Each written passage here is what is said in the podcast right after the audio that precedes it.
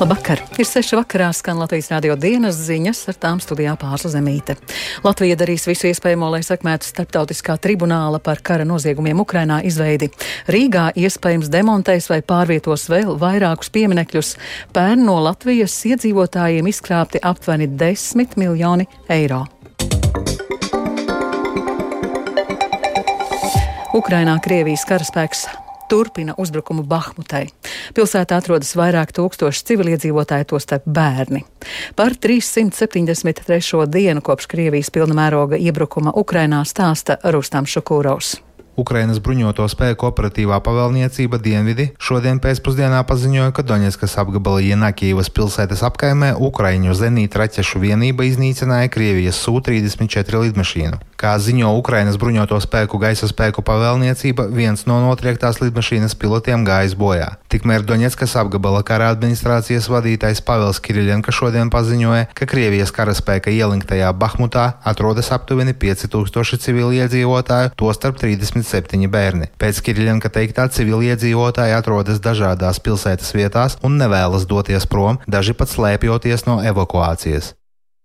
Latvija darīs visu iespējamo, lai sekmētu starptautiskā tribunāla par kara noziegumiem Ukrainā izveidi. Tā šodien Ļvivā kopā ar Ukrainas prezidentu Volodimiru Zelenski pavēstīja Latvijas prezidents Egils Levits.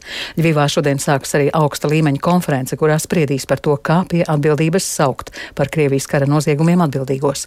No Ļvivas ziņo Indras Prance. Tātad šodien Ukrainā Ļvivā bija ieradies valsts prezidents Egils Levits kopā ar kundzi un no rīta viņi nolika ziedus un pēc tam bija darba tikšanās ar prezidentu Volodimiru Zelenski, pēc kura arī notika kopīgā preses konference. Zelenskis preses konferencē uzsvēra, ka viņš ļoti novērtē gan prezidenta Levita, gan arī Latvijas tautas milzīgo atbalstu šī gada laikā Ukrainai, un mēs varbūt varam arī paklausīties vienu mazu citātu Mārtiņu. Pateicos prezidenta kungam un visai Latvijas tautai par nelokāmu atbalstu mūsu tautai un Ukrainai ceļā uz integrāciju ar Eiropas Savienību. Un uh, uz jautājumu, ko vēl varētu darīt, prezidents atkārtot apliecināja un uzskaitīja visas tās jomas, kur Latvijas valsts palīdz un kur uh, iesaistās arī sabiedrība, nevalstiskās organizācijas. Un viena no lietām, kuru viņš pieminēja, ir, ka būtu nepieciešams uh, stingrāk ievērot to, lai nenotiktu sankciju pārkāpumi. Un tāpat šodien ar prezidentu arī runāts, kā palielināt šīs sankcijas pret Krieviju, ka tas ir viens no veidiem, kā mazināt vēlmi turpināt šo bezjēdzīgo karu. Savukārt valsts prezidents uh, Egīls Levičs atbildēja, ka, protams, Latvija darīs visu, cik vien ilgi nepieciešams uh, atbalstīs Ukrainu visos iespējamos veidos.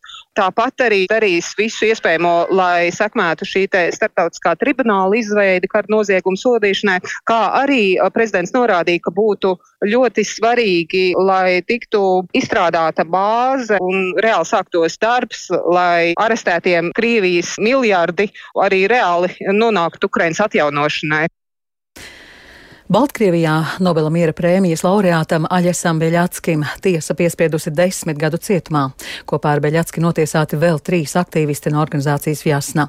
Varas iestādes viņus apsūdz nelegālās skaidras naudas ieviešanā Baltkrievijā, lai iespējams finansētu opozīcijas aktivitātes, tā ziņot cilvēktiesību aizstāvības organizācija. Lukašenko ir pārāk varmācīgs un apspiež jebkādu opozīciju, taču viņa režīmām nav izdevies pilnībā apspiest Baltkrievu vēlmi protestēt. Tā intervijā Latvijas radio teica Baltkrievijas eksperte Elēna Kūtsko, kura piedalījās Baltijas aizsardzības koledžas rīkotajā konferencē par Krieviju Igaunijas pilsētā Tartu. Pētniece arī atzīst, ka Baltkrievijas ekonomikai klājas grūti. Par milzīgajām Baltkrievijas ekonomiskajām problēmām liecina arī nu pat notikusi Lukašenko vizīte Ķīnā. Neraugoties uz lielīšanos, ka sankcijas nestrādā, ka mums klājas labi, ka mums ir Krievijas tirgus, Baltkrievijas ekonomikas stāvoklis nav labs. Iekšzemes koprodukts pilnīgi noteikti samazinās, bet Krievijas tirgus nav tik spēcīgs, kā izskatās. Tāpēc ekonomisko problēmu risināšanai Lukašenko ir nepieciešams atrast investīciju avotus. Viņa sapnis par tuvināšanos ar Āziju ir sens stāsts. Lukašenko to mēģināja jau iepriekš, bet viņam tas līdz galam neizdevās. Tāpēc šī bija viņa iespēja pavirzīties uz priekšu.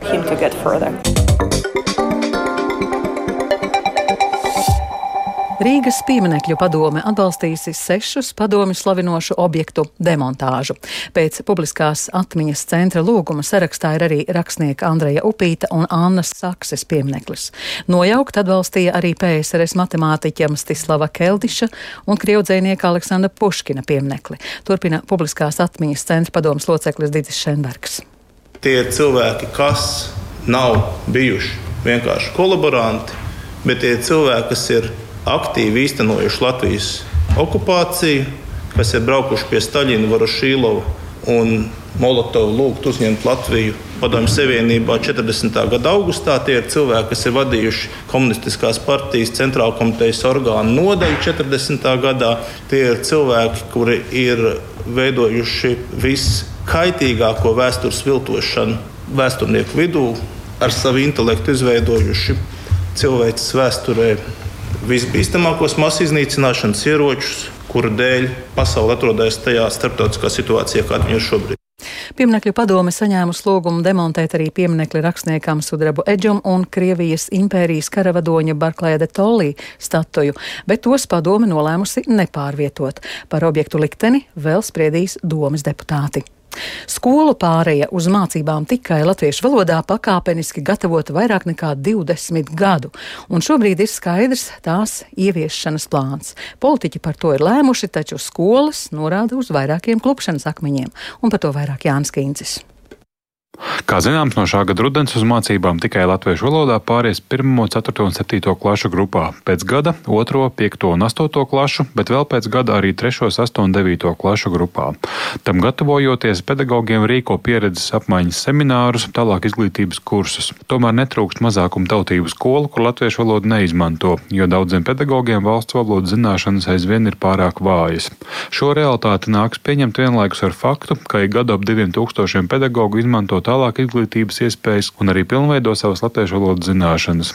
Skolu direktori to skaidro ar atšķirību, kad valoda jāizmanto ikdienas sarunām un kad darbā ar skolēniem. Krievu un citu mazākumu tautību skolu pārēj uz mācībām tikai latviešu valodā būs atkarīgi ne tikai no katras skolas, bet arī pašvaldības ieinteresētības.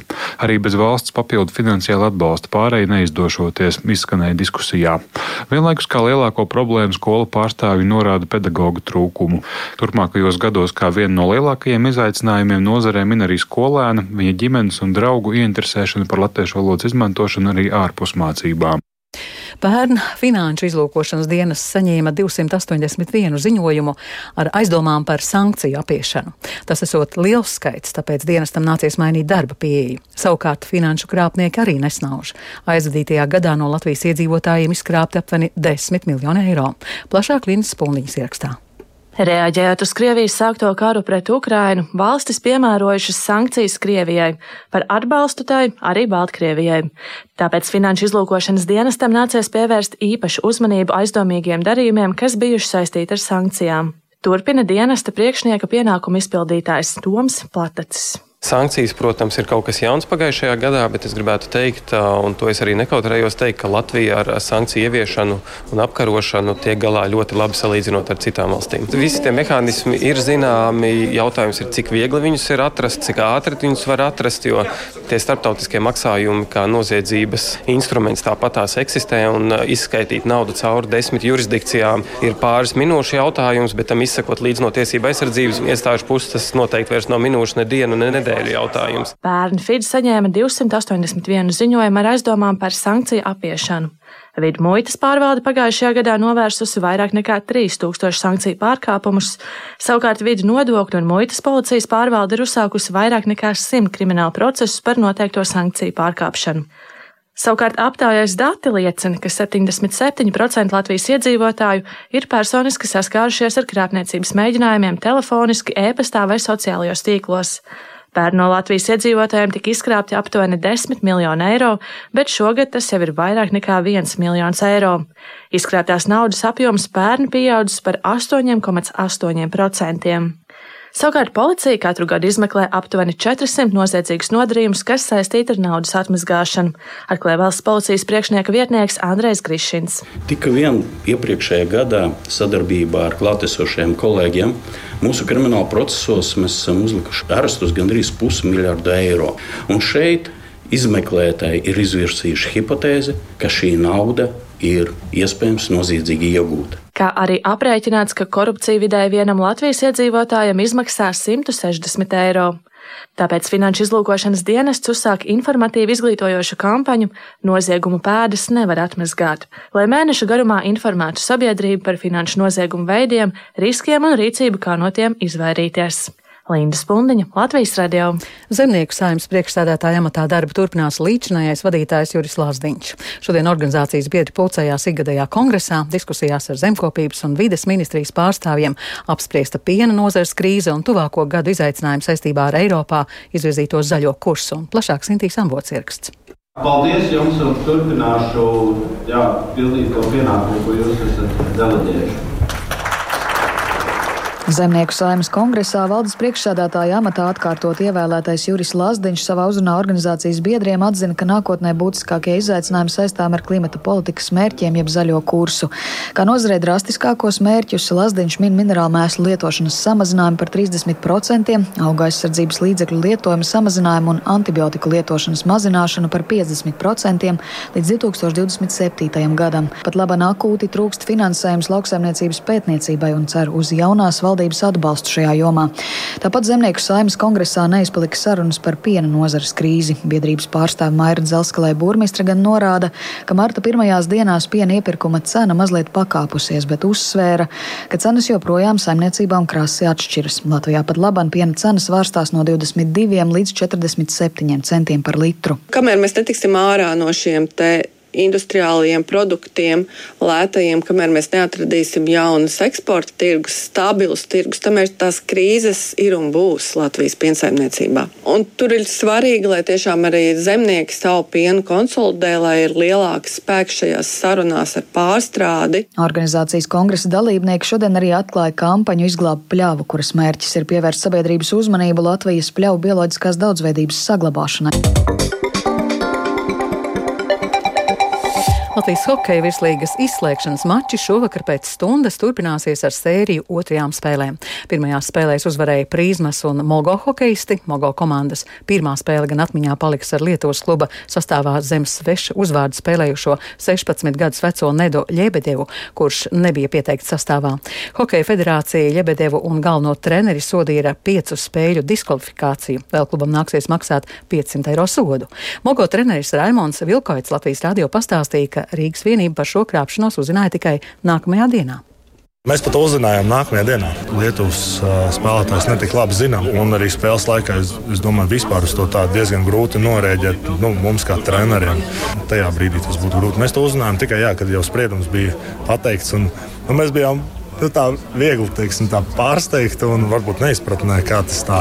Es nedomāju, ka tur, ir kāda ļauna nodoma vai ka, kaut kas slikts domāts, jo tomēr pa hokeja pankiem var pateikt atzinīgus vārdus uz viņu mājas spēlēm. Tur tomēr ļoti daudz fanu nāk un arī tiek pievērsta uzmanība skatītāju izklaidē. Es gribētu teikt, ka tā ir vienkārši apstākļu sakritība un varbūt tā sanāk. Un ar to izskan Latvijas rādio dienas ziņas. Producents Edgars Kupčs, ierakstus montēja Renāša Steimanis, par labskaņu rūpējās Kārlis Rašmanis, ar jums runāja Pārsla Zemīte. Un īsumā svarīgākais Latvija darīs visu iespējamo, lai sekmētu starptautiskā tribunāla par kara noziegumiem Ukrainā izveidi. Rīgā iespējams demontēs vai pārvietos vēl vairākus pieminekļus. Un vēl par laika apstākļiem. Yeah. Latvijas vidas geoloģijas un meteoroloģijas centrs informē Rīgā pat labam 4 grādi, ziemeļrietumu vējš 3 m2, gaisa spiediens 757 mm, gaisa relatīvais mitrums 64%. Bet kāds laiks gaidāms turpmākajās dienās, prognozēja sinoptiķe Ilze Golubeva. Sēsdien gan naktī, gan dienā teju visā valstī spēcīgi sniks un putinās. Valsts austrumos sniega saga pieaugs par vairāk nekā 5 līdz 10 centimetriem, bet valsts rietumos sniega saga veidosies no jauna. Visā valstī vēja brāzmas pastiprināsies līdz 16,21 metram sekundē, bet jūras piekstē brāzmas sasniegs pat 25,27 metrus sekundē. Un šādi laikapstākļi var līdzi nest arī nelielus postījumus, nolaužot pa kādam kokam un to zaram. Gaisa temperatūra sestdien kā naktī tā arī dienā mīnus 3,2 grādi, un augstāks laiks ir gaidāms svētdien, bet arī svētdien daudz vietā Latvijā palaikams sniks un pūtīs brāzmains vējš.